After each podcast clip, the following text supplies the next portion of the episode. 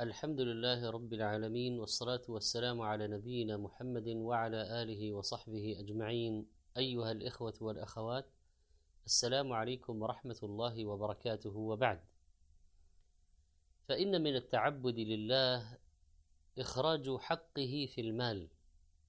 هذا المال الذي يحبه الناس حبا جما. وعلى رأس حق الله في المال الزكاة التي فرضها على عباده. والله تعالى فاوت بين العباد في الأرزاق فبسط لبعضهم الرزق وقدره على بعضهم قل إن ربي يبسط الرزق لمن يشاء ويقدر يعني يضيق كما يشاء لحكمة سبحانه وتعالى. والبسط والقدر ابتلاء قال تعالى فأما الإنسان إذا ما ابتلاه ربه فأكرمه ونعمه فيقول ربي أكرمن. وأما إذا ما ابتلاه فقدر عليه رزقه فيقول ربي أهانا كلا. وابتلى الله تعالى الأغنياء بالغنى لينظر أيشكرون نعمة ربهم ويقومون بحقه أم لا. وابتلى الفقراء بالفقر لينظر أيصبرون على ما ابتلاهم به أم يكونون من المتسخطين. وهذه الفريضة العظيمة وهي فريضة الزكاة من المباني العظام وأهم ركن عملي بعد الصلاة وهي الحق المعلوم المذكور في قوله تعالى والذين في أموالهم حق معلوم للسائل والمحروم أوجبها الله على الأغنياء في أموالهم مواساة لإخوانهم الفقراء وهي أحد مباني الإسلام العظام الخمسة. وهي من أوائل ما يبدأ به في الدعوة كما في حديث معاذ فأعلمهم أن الله افترض عليهم صدقة في أموالهم تؤخذ من أغنيائهم وترد على فقرائهم. متفق عليه. الزكاة النماء والزيادة والطهارة والبركة.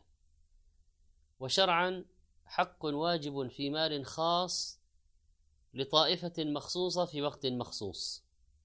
سميت زكاة لأنها تثمر المال وتنميه وتطهر صاحبه وهي قرب إلى الله وصلاح للنفس وإصلاح لأحوال الآخرين وتطهير المجتمع من التحاسد والتباغض تزيد المودة ويحصل بها التكافل. يعود نفعها على فاعلها وعلى من تقدم إليه. وما أنفقتم من شيء فهو يخلفه. وأقيموا الصلاة وآتوا الزكاة وأقرضوا الله قرضا حسنا وما تقدموا لأنفسكم من خير تجدوه عند الله هو خيرا وأعظم أجرا. يمحق الله الربا ويربي الصدقات فالزكوات والصدقات تزيد المال وتكون سببا للبركة فيه. ما نقصت صدقة من مال والتجربة المحسوسة تثبت أن المعونة تأتي من الله للعبد على قدر المؤونة وأن الرزق يأتيه بقدر ما يعطي وينفق. فمن أكثر أكثر له ومن أقل أقل له ومن أمسك أمسك عليه. لا تحرصن فالحرص ليس بزائد في الرزق بل يشقي الحريص ويتعبه. ومنع الزكاة يحصل به شر عظيم. قال تعالى ولا يحسبن الذين يبخلون بما آتاهم الله من فضله وخيرا لهم بل هو شر لهم.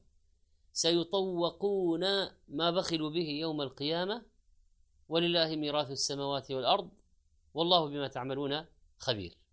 وقال النبي صلى الله عليه وسلم من آتاه الله مالا فلم يؤد زكاته مثل له ماله يوم القيامة شجاعا أقرع له زبيبتان يطوقه يوم القيامة ثم يأخذ بلهزمتيه يعني بشدقيه ثم يقول أنا مالك أنا كنزك. ثم تلا قوله تعالى ولا يحسبن الذين يبخلون بما آتاهم الله من فضله هو خيرا لهم بل هو شر لهم سيطوقون ما بخلوا به يوم القيامة.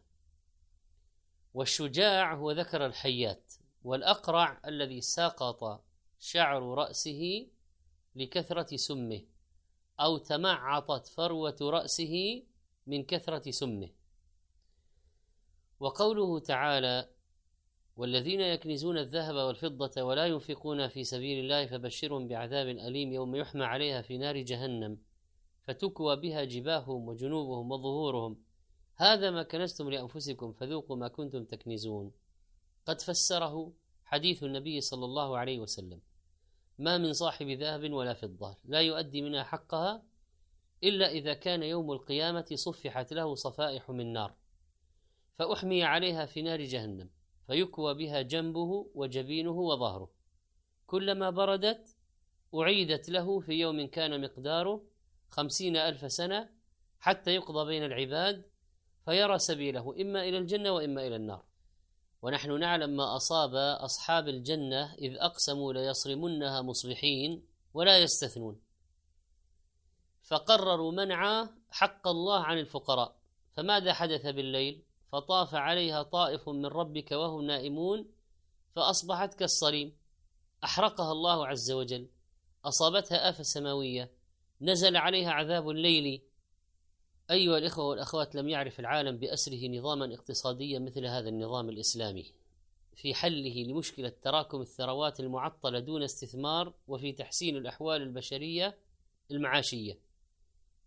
الزكاة تعمل على سرعة دوران رأس المال لأنها تشجع صاحب المال بطريق غير مباشر على استثمار أمواله حتى يتحقق له فائض يؤدي منه الزكاة حتى لا تنقص أمواله.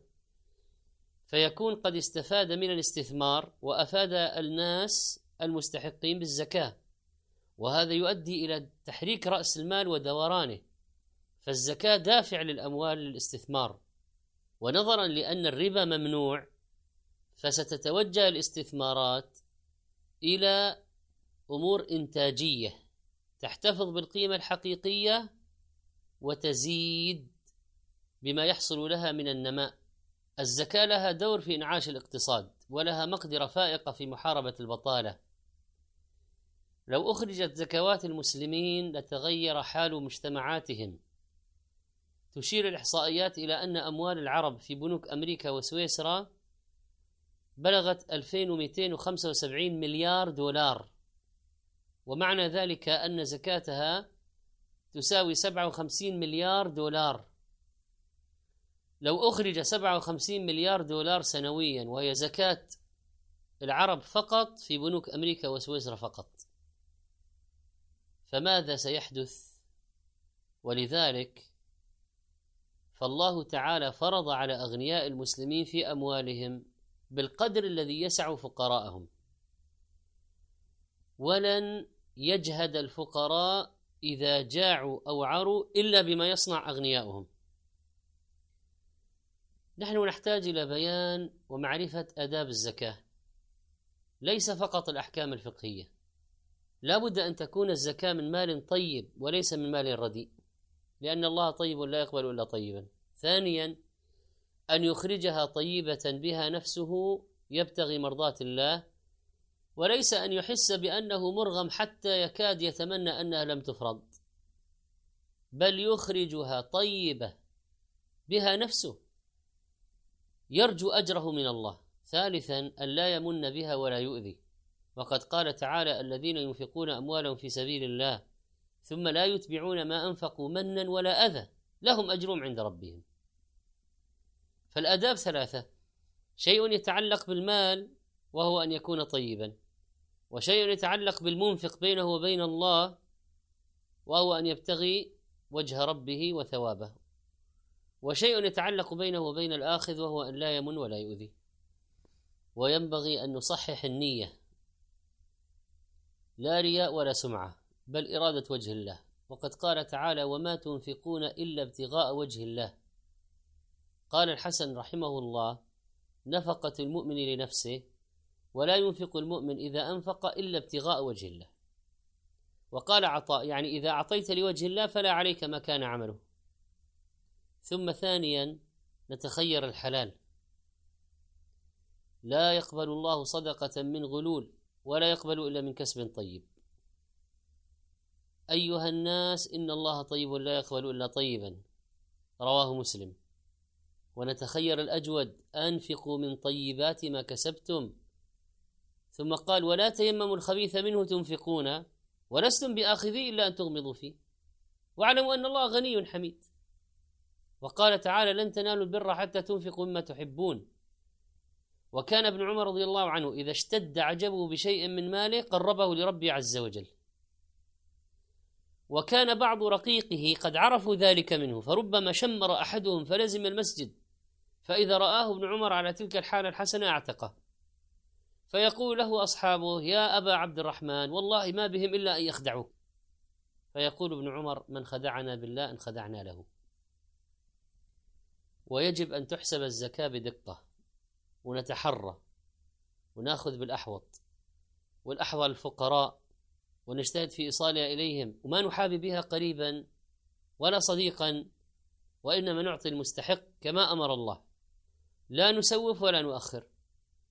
ونحسبها بالسنة القمرية لا بالسنة الميلادية فنأكل أحد عشر يوما على الفقراء والأفضل أن يبتغي المزكي لصدقته الفقراء من أقربائه وينتقي الأتقياء الفقراء وطلبة العلم الفقراء والمتعففين من الفقراء والأسر الكبيرة المحتاجة. أشد الناس حاجة.